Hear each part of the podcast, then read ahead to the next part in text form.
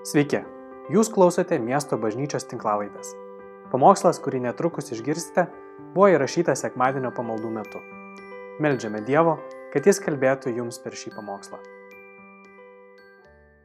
Dar prieš einant prie paties Dievo žodžio, kažkaip noriu keletą žodžių tarti ir apie vat, mūsų tą situaciją, kad ji tikrai patikrina, kas yra mūsų viduje. Aš šią savaitę taip pat turėjau būti Izraelyje ir kadangi nepavyko man iškeliauti ir, ir važiuodamas namo iš Vilniaus, jau nebepabuvęs oro uoste, važiuodamas išgyvenau tokį įdomų jausmą. Važiuoju, saulė šviečia ir jaučiuosi, kad nieko nepraradau. Turiu finansinių truputį nuostolių, bet visa, kas brangiausia, yra čia. Visa, kas brangiausia, yra tai, kas negali būti iš manęs atimta. Mm, iš manęs negali būti atimtiem žini dalykai. Ir, ir tai sukūrė tokį ramybės jausmą, tokią, tokią šilumą viduje. Ir kažkaip protas nepasileido į baimę, į tai, kas bus, ar ko ne, ką praradau, ar kas, kas, kas neįvyko, bet visos mintis susitelkė ties svarbiausiais dalykais. Ir e, viliuosi ir, ir raginu jūs mąstyti apie tai, kas yra svarbiausia. Šiandien mūsų neturėtų stebinti tas precedento gal neturintis valstybių izoliavimas e, vienos nuo kitos. Uh, nes tai nėra nieko neįprasto mūsų pasaulyje. Kas mus turėtų stebinti, mus turėtų stebinti pastarieji 20 metų, kai mes gyvenom taip gerai, kai tu nueini parduotuvę ir gauni, ko tu nori. Mūsų turėtų stebinti, kad e, mūsų šalyje buvo taika. Mūsų turėtų stebinti, kad mes susirgę gaunam vaistų ir turim nuskausminamųjų nes to nėra buvę žmonijos istorijoje. Niekada žmonės nėra taip gerai gyvenę, kaip mes dabar gyvename. O tos negandos, kurias išgyvename arba kurios gali dar mus pasitikti ateityje, jos yra įprasta šio pasaulio būsena. Ir jūs apie tai turbūt žinote, esate skaitę ir matote dabar lyginamus visas virusus ir visas negandas, marus ir karus, kas yra buvę pasaulyje. Prieš keletą metų pas mus bendruomenėje lankėsi ir gyveno du metus pastorius iš Uzbekistano, jo vardas Džahangiras, jo žmona Zilola, su dviem vaikais išsikraustė iš Uzbekistano, nes valdžia, kuri yra musulmoniška, pasakė, kad pagrasino nužudyti jo vaikus, pagrasino, kad jį uždarys į kalėjimą, jis buvo keletą kartų iškviestas Galiausiai jo vyskupas sako, dėl savo šeimos saugumo ir mūsų bažnyčios ramybės važiuok lauk ir jis atvažiavo čia su keliais daiktais, prisiglaudė mūsų bendruomeniai. Ir aš pamenu, kaip jis ieškojo to kontakto su žmonėmis ir čia mums lietuviams sako, hmm, aš taip noriu draugystės, nes viską prarado, atrodo, draugus, namus, giminę. Aš taip noriu tos bendrystės ir jis kvietėsi visus į namus. Ir va tada taip žiūrėjau iš šono, mes visi užsijėmė, sukamės ir atrodo net nėra kada pasiužsukti svečius. Ir mes visi taip lėkiam ir jis pakomentavo, kad mes lėkiam. Šiandien esam sustoję. E, šiandien Džahangiras mokosi seminarijoje Čikagoje. Jis išsikėlė dar toliau nuo mūsų ir nuo savo namų. Bet tokios situacijos, ką jis išgyveno, nieko nėra naujo žmonijos istorijoje. Netgi praeitais metais Vilniuje mūsų bažnyčioje sutikau merginą, kuri iš Ukrainos atsikėlė su savo mama, vėlgi su dviem lagaminais, turėjo palikti viską. Ir galvoju, kad tie dalykai jie pasaulyje nuolatos buvo, bet tai, kas svarbiausia, tai, kas yra amžina, negali būti atimta. Ir Jėzus ragina mus, nesikraukite turtų čia žemėje, kraukitės turtus danguje, neprisiriškit prie dalykų. Ir jeigu per ateinančias savaitės kažkas pradės lysti iš jūsų rankų, pradės jūsų širdis nerimauti, nes jūs netenkat, jūsų planai keičiasi, jūs prarandat ar, ar tai daiktus, ar tai verslą, ar tai dar kažką, nurimkit, priimkite Jėzaus žodžius, nusiraminkit, pasaulį jūs visada turėsit su spaudimu, bet aš nugalėjau pasaulį. E, Jėzus Kristus kalbėjo ne apie tai, kad jis nugalėjo kažkokią blogą politinę valdžią ar, ar visas negandas. Jis sakė, jūs turėsit suspaudimu, bet nebijokit, aš nugalėjau pasaulį ir Jėzus atnešė dangaus karalystę į mūsų tarpą. Apie tai ir šis pamokslų ciklas geroji žinia neramiam pasauliu, kad mes, kaip tikinti žmonės, gyvenam dviejose tikrovėse. Mes esam, tarkim, aš esu Lietuvos pilietis, tai yra mano e, šalis, mano valstybė, aš ją myliu, man brangi Lietuva, bet aš esu taip pat dangaus pilietis. Taigi, Jėzus atėjęs, jisai nuramino žmonės, kurie gyveno labai neramiame pasaulyje ir jis atnešė kitą tikrovę, jis atnešė tai, kas iš tikrųjų yra svarbiausia, kai mes išeisim iš šito žemės, kad mes būtum išvaduoti iš mirties baimės. Nes baime yra neigiamas tikėjimas, kad tai, ką aš turiu, gali būti atimta iš manęs, tai, kas aš esu, gali būti apreikšta, atidengta ir žmonės išgyvena įvairiausių baimių. Ir šventas raštas laiškė hebrajams sako, kad a, e, netgi piktasis yra pavergęs žmonės per mirties baimę. Jo galutinis didžiausias kozeris žmogaus gyvenime yra dėl žmogaus gyvybės. Ir Aš nežinau, kokią mm, viltį turi ateistas, galbūt jo viltis ramiai numirti ir, ir išnykti, bet kaip krikščionis mes e, tikim, kad turim amžinai gyvenimą jau dabar čia ir ragaujam Dievo meilę, jo artumą, bet taip pat mirtis mums yra tik duris, išėjimas į kitą tikrovę, tikrovę, kuri nenyksta, nes visa, kas yra regima, yra laikina, o kas neregima, yra amžina. Taigi, žengiu prie paties pamokslo. Praeitą sekmadienį kalbėjau, kad Dievas prižiūri visą žmonijos istoriją nuo paties sukūrimo, kritimo, Jėzaus Kristaus atpirkimo ir šito bažnyčios laiko, malonės laiko, iki pat atstatymo, atkūrimo, kada šis pasaulis irgi bus atstatytas ir Dievas, kuris teis gyvuosius ir mirusius, sutvarkys ir šitą planetą Ir tai, ko mes vilėmės, kad teisybė bus kažkada įgyvendinta, atstatyta, nebebus ašarų, nebebus lygų, nebebus karų, vieną dieną bus paties Dievo atnešta į šį pasaulį. Kai Jėzus Kristus atėjo um, su žinia tarnauti, štai pirmieji žodžiai, kuriuos jis perskaitė, um, atėjęs į uh, Nazaretą, kur buvo užaugęs, Luko ketvirtame skyriuje pasakyta, sabato dieną, kaip pratęs, nuėjo į sinagogą ir atsistojo skaityti. Jam padavė pranašo Izaijo knygos ritinį, atviniojęs ritinį jis rado vietą, kur parašyta.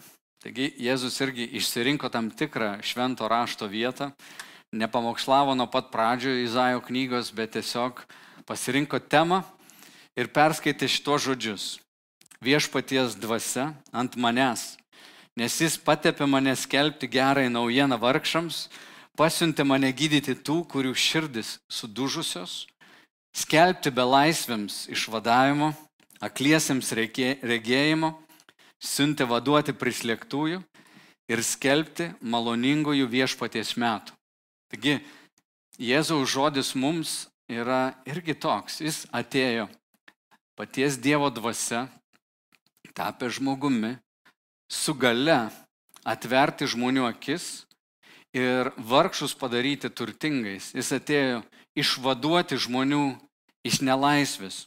Mes tiksliai žinom, kad Jėzus neėjo per kalėjimus ir nelaužė durų, bet vergystė, kurioje žmonės buvo ir šiandien atsiduria per nuodėmę. Nes pasakyta, kad kiekvienas, kuris daro nuodėmę, kuris yra netiesoj, įeina į tamsą ir į vergystę. Ir Jėzus sako, aš atėjau paskelbti gerąją naujieną vargšams. Aš atėjau paskelbti naujieną, kad belaisviai bus išvaduoti. Jo karalystė žinia yra galinga ir iš tiesų niekas kitas negali išvaduoti žmogaus iš jo priklausomybių, iš jo nesaugumo. Tai yra karalystė žinia. Ir mes kalbam dabar apie tai, kad Jėzaus atpirkimas jo auka ant kryžiaus atneša laisvę ir gerąją žinę, kurią mes, kaip krikščionis, patys paragavę, išgyvenę, turime nešti kitiems. Jėzus taip pat kalno pamokslė sakė, palaiminti yra vargšai dvasia, nes jų yra dangaus karalystė. Vadinasi, tiems, kurie pajunta savo dvasios neturtą ir supranta, kad savęs negali išgelbėti, ištraukti iš tamsos, iš savo įpročių negali ištraukti iš savo nuodėmių, jam neišeina suvaldyti savo minčių ir mąstyti tyrai, be pavydo, be išdidumo, be smerkimo, be teisimo. Tie žmonės, kurie pripažįsta, kad jie yra vargšai dvasia, būtent tiems Jėzus sako, jūs yra dangaus karalystė. Palaiminti jūs esat, kai pripažinsit savo dvasios neturtą. Toliau, apaštalas Paulius mums rašo per laišką Efeziečiams, kuris buvo skirtas Efezo bažnyčiai, pagonių bažnyčiai, užrašo didžią paslapti, kas įvyksta, kaip įvyksta dvasinis veiksmas žmonių, perėjimo iš tamsos karalystės į šviesos karalystę, kaip žmogus išeina iš nuodėmės į naują gyvenimą. Taigi perskaitysiu kartu su jumis laiško feziečiams visą antrą skyrių ir jis yra labai reikšmingas apaštalas Paulius sako, jūs galite matyti, ką Dievas man apreiškia savo paslapti, kai skaitote šitos žodžius. Ir štai kaip Paulius pradeda antrą skyrių, sakydamas, ir jūs buvote mirę nusikaltimais ir nuodėmėmis, kuriuose kadaise gyvenote pagal šio pasaulio būdą, paklusdami kunigaikščiui viešpataujančiam ore, dvasiai, kuri dabar veikia neklusnumo vaikuose. Tarp jų kadaise ir mes visi gyvename, sekdami savo kūno geiduliais, vykdydami kūno ir minčių troškimus ir iš prigimties buvome rūstybės vaikai kaip ir kiti. Sustokim čia trumpam. Manau, kad tai yra vienas sudėtingiausių dalykų šiandien kažkokiam žmogui pasakyti, klausyk, tu esi miręs. Pasakyti jam, jeigu tu gyveni savo geismuose, savo nuodėmėse, tu esi miręs. Kai Paulius sako miręs, jis neturi omeny, kad fiziškai tu esi miręs. Jis kalba apie tai, kas įvyko dar nuo paties Adomo, kai Adomas ir Jėva nepakluso Dievui ir savo santykyje atitruko nuo Dievo. Dėl savo neklusnumo mirtis atėjo į jų gyvenimą. Ir per Adomo nuodėmę mirtis atėjo į visą žmoniją ir viešpatauja žmonijai. Nes Adomas buvo sukurtas nuolatiniam nenutrūkstamam santykiui su Dievu. Kai jis nusidėjo, mirtis atėjo ir Dievas sakė, kai jūs paragausit, jeigu jūs paragausit vaisiaus nuo medžio gėrio ir pažinimo, blogo ir gero medžio pažinimo, tai jūs mirtimi mirsit. Ir va ten įvyko atitrukimas. Aš galvoju, artimiausias toks galbūt pavyzdys būtų, kada tu susipyksti su žmogumi ir pasitikėjimas jūsų santykyje nutrūksta tu gali bendrauti su tuo žmogumi, tu gali jam pamojuoti, bet tu žinai, kad neturi ryšio kažkaip. Tavo pagarba, tavo dėmesys, tavo uh, noras mėgsti tą santykį, statyti jį, jis kažkur dinksta. Tai kaip Paulius sako, kad uh, jūs buvote mirę nusikaltimais ir nuodėmėmis, tai įsivardė tą būseną, kad žmogus dėl savo nuodėmingo, maištingo proto, jis yra atitrūkęs nuo Dievo ir neturi to bendravimo. Ir jeigu šiandien tikrovė yra, kad žmogus dar toliau gyvena, jisai gali planuoti savo darbus, ateitį, atostogas, kurti šeimą, žodžiu, jisai kažką stato, bet santykio to nėra, tai galiausiai po mirties, kada jo egzistencija šitoj žemėje nutrūksta fizinė prasme, jis atsiduria prieš Dievą ir raštas moko prieškimo knygoje, kad tada jo laukia antroji mirtis, tai yra atskirimas nuo Dievo. Tikrasis įsigyvendinimas to, ką Paulius čia pavadino mirtimi. Antroji mirtis yra, kada tikrovė aš esu atskirtas jau nuo Dievo. Taigi čia Paulius krikščionims rašo, žiūrėkit, supraskit, jūs buvote mirę savo nusikaltimais ir nuodėmėmis, gyvendami pagal šio pasaulio būdą, paklusdami kunigaikščiai viešpataujančiam ore, dvasiai, kuri dabar veikia neklusnumo vaikuose. Tarp jų mes visi gyvename.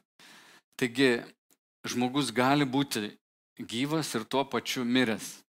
Aš skaičiau netgi Škotijai vienoj parapijoje įvyko toks įdomus incidentas, XIX amžiaus pabaiga. Užklydęs vienas žmogus, nepažįstamas niekam mirė ir kažkas jį palaidojo parapijos kapinėse. Ir žmonės vietiniai taip pasipiktino, kad prie vartelių pakabino tokį užrašą. Ši parapija rezervuota tik tai šioj parapijoje gyvenantiems mirusiems.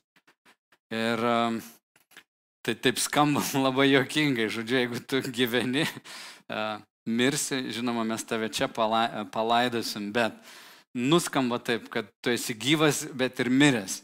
Ir Paulius sako, kad gali būti gyvas, Bet jeigu esi atitrūkęs nuo gyvenimo su Dievu, tu esi miręs. Čia jisai sako, jūs buvote mirę, supraskite, kokia buvo jūsų būsena. Šiandien jūs esate jau kitokie. Ketvirta eilutė, labai man patinka tie žodžiai, bet uh, jie rodo minties pasikeitimą, keičiasi mintis, kryptis ir jisai sako, bet Dievas apstus gailestingumu, iš savo didžios meilės, kurią mus pamilo, mus, mirusius nusikaltimais, atgaivino kartu su Kristumi. Malonė jūs esate išgelbėti. Kartu prikėlė ir pasodino danguje Kristuje Jėzuje, kad ateinančiais amžiais savo gerumu parodytų mums beribių savo malonės turtus Kristuje Jėzuje. Pažiūrėkim čia, yra tas didysis perkeitimas. Mes buvom mirę, bet Dievas, kuris yra apstus gailestingumu. Dievas neatsižvelgia į asmenį, bet myli kiekvieną žmogų. Nesvarbu, koks tu bebūtum, ką tu bebūtum prisidirbę savo gyvenime, visi nusidėjo, visi stokoja Dievo garbės, visi esam suluošinti nuodėmės. Tu negali tiesiog lygintis ir sakyti, na, aš fainas buvau, Dievas va mane išgelbėjo. E, sako, malonė. Malonė reiškia, kad nu, nėra nieko, nei vieno darbelio, nei vienos intencijos, nei vieno kažkokio tavo valios pasirinkimo, kuris nulėmė, kad va tave išgelbėjo, o kitų ne. Tai yra Dievo paties gailestingumas, jo apstimeilė, jis išsirinko Ir mus, kurie ragaujam jo malonės, ragaujam jo meilės, turim būti nuolat dėkingi. Dieve, tu mane pamilai. Jeigu pamilai nusidėjusi, jeigu tu pamilai mane, kai aš nieko dar gero dėl tavęs nepadariau, kaip dar labiau tu myli šiandien mane, savo vaiką. Ir Paulius, jis, jis išlievo šitą paslapti Ir mūsų mintis tegul būna pripildytos šitos tiesos. Dievas mus atgaivino ir prikėlė ir pasodino. O čia yra truputį vėl sudėtinga. Jeigu mes šiandien ne visada jaučiam Dievo buvimą ir žmogus, kuris neturi ryšio su Jėzumi Kristumi šiandien, ne visada jaučia jo atitolimą ar jo vat, netekti, Mes irgi šiandien turbūt ne visada išgyvensim savo penkiais pojūčiais, kad mes esam prikelti, pasodinti danguje kartu su juo. Bet dvasioje yra įvykęs kažkoks reikšmingas dalykas. Paulius šitam laiške daug kartų mini, kad mes esame Kristuje. Vadinasi, kai žmogus patiki Kristumi ir Dievo dvasia ateina į jo gyvenimą, mes atgimstame iš dvasios. Kaip Jėzus sakė, kas net gims iš dvasios, negalės įeiti į dangaus karalystę. Mes esam atgimdyti ir susijęs su Kristumi labai giliai. Jo dvasia yra mumyse, jo artumas yra su mumis, ar mes jį jaučiam ar nejaučiam. Bet ta pozicija, kurioje mes atsidūrėme, mes esame patys su Kristumi prikelti ir pasodinti Dievo tėvo dešinėje kartu su juo. Tai neįtikėtina dovana. Tu sėdi šiandien Klaipėdoje, Vilniui, e, kažkokiam tai mieste, galbūt Anglijoje, klausaisi šito pamokslo ant sofkutės, atsisėdęs. Ir tuo pačiu metu Dievo visoji esybei, tu esi Kristuje mylimas, jo apkabintas, prikeltas. Ir Paulius sako, mes esam užanspauduoti šventąją dvasę iki atpirkimo dienos. Žodžiu, būk, būk palaimintas tame, va šitose mintise. Ir toliau jis tęsė nuo aštuntos eilutės. Nes jūs esate išgelbėti malonę per tikėjimą. Tai ne iš jūsų, tai Dievo dovana. Ir ne dėl darbų, kad kas nors nesigirtų. Dievas taip padarė, kad nieks nesigirtų. Tai labai reikšminga taip pat. Angelas, kuris buvo atsakingas už Dievo garbinimą, Luciferis, jis pasiputė, jisai norėjo būti toks kaip Dievas. Ir aš žinau, kad Dievui nepatinka, kada kažkas giriasi arba nori šlovės pasimti savo. Kūrinys niekada neturėtų girtis prieš kurėją. Žodžiu, Dievas taip patvarkė, kad joks kūrinys jo akivaizdo nesigirtų ir nesakytų, va, aš nusipelniau. Visa tai yra iš malonės, visa tai yra dovana Ir mes galim tik tais dėkoti uh, už tai, ką jis dėl mūsų padarė. Ir toliau jisai sako, mes esame jo kūrinys, sukurti Kristuje Jėzuje geriems darbams, kuriuos Dievas iš anksto paskyrė mums atlikti. Todėl atsiminkite, kad jūs kadaise buvote pagonis, kuriuos vadino neapipjaustytaisiais, vadinamieji apipjaustytieji, apipjaustyti kūnę rankomis. Tuo metu jūs buvote be Kristaus, atskirti nuo Izraelio bendruomenės, svetimi pažado sandoroms, be vilties ir be Dievo pasaulyje. Tokia buvo mūsų būsena. Aš praeitą sekmadienį pamokslę sakiau, kaip svarbu mums suvokti vat, savo poziciją, kad uh, Dievas buvo išsirinkęs yra išsirinkęs Izraelį savo tautai iš Abraomo, visa tauta išėjo. Ir Dievas jiems davė įstatymą, davė sandoras. Žodžiu, Dievas savo sandoros niekada su Izraeliu nesulaužė ir nesulaužęs, jų tautos laukia dar ateitis ir, ir visas santykis su Dievu šiuo metu yra pašlyjas, jie yra, buvo užkėtėję, yra užkėtėję, jie nepriemė Jėzaus kaip mesijo, tam, kad bažnyčia atsirastų, eklezija, subūrimas iš visų pagonių ir kad mes jie nebebūtumėm svetimi sandoroms, bet kad mes jie gautumėm Abromo palaiminimą ir kad Abrome ir jo palikonėje ir per Kristų Jėzų visos tautos būtų palaimintos kuo? visų pirma tuo atleidimu, tuo gimimu iš dvasios, artumu su Kristumi, su Dievu. Mes esame palaiminti. Anksčiau mes buvom be vilties ir be Dievo pasaulyje, bet šiandien mes esame jame. Mes nebesame svetimi sandoroms. Bet dabar Kristuje Jėzuje 13 eilutė, kadaise buvusieji toli, per Kristaus kraują tapote artimi nes mūsų sutaikinimas yra Jis. Iš abiejų padaręs vieną ir sugriovęs mūsų skyrusią sieną, savo kūnų panaikinės priešybę, įsakymų įstatymą su jo potvarkiais, kad iš dviejų sutvertų savyje naują žmogų ir atneštų taiką. Jis viename kūne abiejus sutaikino su Dievu per kryžių, kuriuo ir sugriovė priešiškumą.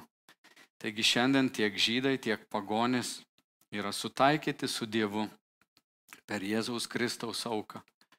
Tai reiškia, kad kas betsitiktų mūsų gyvenime, mūsų sutaikymo pagrindas nėra netgi mūsų atgaila, bet Jėzaus Kristaus auka ant kryžiaus. Jis patyrė visą Dievo rūstybę už mus, už tave, už mane. Aš turėčiau būti plakamas, atskirtas, mušamas ir viešai išstatytas su visų savo nuodėmių sąrašu. Vieną dieną viskas bus atidengta, bet tai, kas įvyko su mumis, jau išvaduoja mus nuo ateities gėdos, mūsų nuodėmės per Kristaus auką yra atleidžiamos ir Dievas nebeprisimins jų. Jos yra patrauktos taip toli, kaip rytai nuo vakarų. Mūsų teisumo pagrindas yra jo auka šiandien ir per amžius. Taigi, sutaikymas tiek žydams, tiek graikams, tai yra visiems pagonėms, yra Kristaus aukoje.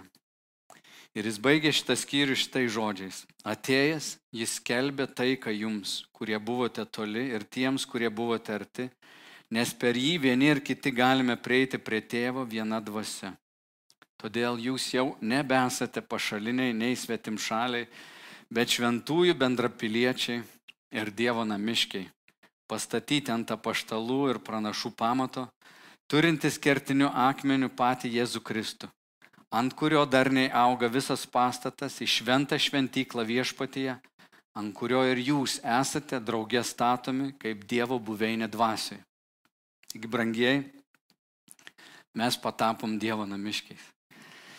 Nežinau, gal tu esi toks kaip aš, kuris linkęs e, save kritikuoti, mušti ir e, aš visada išgyvendavau savo galvoje daug tokio ir kalties jausmo ir, ir man toks gyvenimas prieš Dievą kažkaip moraliai, kai a, reikia susiskaičiuoti savo, savo darbelius ir visą laiką būti teisiam prieš Dievą, šita žinia yra sunaikintas. Aš esu atradęs tokią laisvę Kristuje, kad a, ne dėl mano darbų, aš esu padarytas a, laisvas jame, išvaduotas amžiams. Ir tai yra tiesa kiekvieno tikinčiojo gyvenime.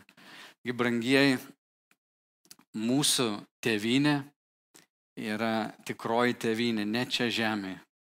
Hebrajams laiške 11 skyriuje taip gražiai autorius sako, kad kai kurie buvo persekioti, kai kurie išgyveno e, didžiausius, sunkiausius išbandymus, bet jie siekia tėvynės, kuri yra danguje. Jie um, nukreipia savo žvilgsnius į tai, kas negali iš jų būti atimta, siekia savo tėvynės danguje. Mes lygiai taip pat šiandien galime gyventi, paleisdami dalykus, kurie šiaip gali būti iš mūsų atimti. Mes galim gyventi va šitoj tiesoje, kad Dievo karalystė jau atėjo į šią žemę. Dievo karalystė jau reiškėsi Dievo buvimu, jo gydančia jėga, jo prisilietimu per bažnyčią. Ir mes kaip tikintis turim nuostabią, gerą žinę. Koks tu bebūtum nusidėjėlis, Dievas yra apstus gailestingumo. Gailestingumas tiesiog reiškia, kad jis neduos tau bausmių. Vietoj bausmių jis ištiesia malonės ranką, duoda palankumą. Tokia yra naujiena. Visiems, kurie galvoja, kad turi užsitarnauti prieš Dievą, ir pasijusti kažkaip geriau. Ne, nevark, neprasidėk su šitą, su tokia kelionė. Ateik tiesiog per tikėjimą, iš malonės, pakviesk Dievą į savo gyvenimą. Kur tu bebūtum, melskis. Jėzu ateik į mano gyvenimą. Būk mano viešpats, nuplauk mano nuodėmės. Aš noriu būti tavo vaikas. Atgimdyk mane iš savo dvasios, kad nebebūčiau miręs, o būčiau gyvas. Brangieji, mes visi esam priimti Dievo, esam palaiminti Jo malonės. Kviečiu Jūs trumpai maldai. Viešpatėje Dieve, palaimink, palaimink savo bažnyčią, kad ji būtų praturtinta tos tiesos, jog mes esam perkelti iš mirties į gyvenimą buvom vargšai, be vilties ir be Dievo pasaulyje, bet šiandien esam atpirkti ir atnaujinti. Tėve, visa, ką turime šitoj žemė, yra dovana iš tavęs. Priimam viską su dėkojimu. Orą, saulę, maistą, šeimas, draugus, bažnyčią, rūbus, lovą, pastogę. Visa, ką turim, yra tavo malonės mums suteiktas. Bet svarbiausia, Dieve, dėkojom, kad esame dangaus piliečiai, esame tavo nusavybė, tavo saugomi, tavo prižiūrimi ir tavo lydimi. Palaimink bažnyčią šiuo metu, kad mes visi mokytumėmės pasimaitinti viešpatie tavo žodžiu, būdami namuose, palaimink kiekvieną šeimą, te ateinė tavo ramybė į kiekvienus namus. Mes melžiam viešpatie tavo išgydančios rankos kiekvienam žmogui, kuris šiandien serga ir ne tik nuo koronaviruso, bet serga onkologinėmis lygomis, kovoja su mirtimi. Viešpadė mes melžiam palaimink, palaimink. Mes melžiam sutaikymo viešpadė kiekvienai šeimai, kiekvieniems namams. Tie vyrai ir žmonos susitaiko, jeigu jie yra netaikoj. Mes melžiam Kristau, kad tu duotum atgailos malonę, atsiprašyti, pamatyti, kas svarbiausia. Dieve, suteik tą malonę mūsų tautai. Mes melžiamės viešpatė už mūsų valstybę ir jos vadovus, už prezidentą, už e, vyriausybę, už ministrus. Suteik išminties daryti teisingus sprendimus. Mes melžiam viešpatė už savivaldybės, merus ir visas tarybas. Mes melžiam tėvę, kad mūsų tauta patirtų susitelkimą, brolybę, pilietiškumą ir tokią darną. Mes melžiam viešpatė, kad tu apsaugotų mūsų tautą nuo pikto, nuo piktų žmonių, nuo kiršinančių žmonių, nuo baime keliančių žmonių, nuo netikrų pranašų, kurie naudoja situaciją. Meldžiam viešpatė, kad kaip kažkada Baltijos keli mes būtumėm visi susikabinę, kaip broliai sesės. Mes meldžiam Kristau tavo prisilietimo. Atgręžk mus viešpatė ir mes atsigręšim. Duok tą atgailos malonę pažvelgti tave, kad mes būtumėm praturtinti tavo gailestingumo, nes jo pakanka kiekvienam. Aplankyk kiekvienus namus viešpatį.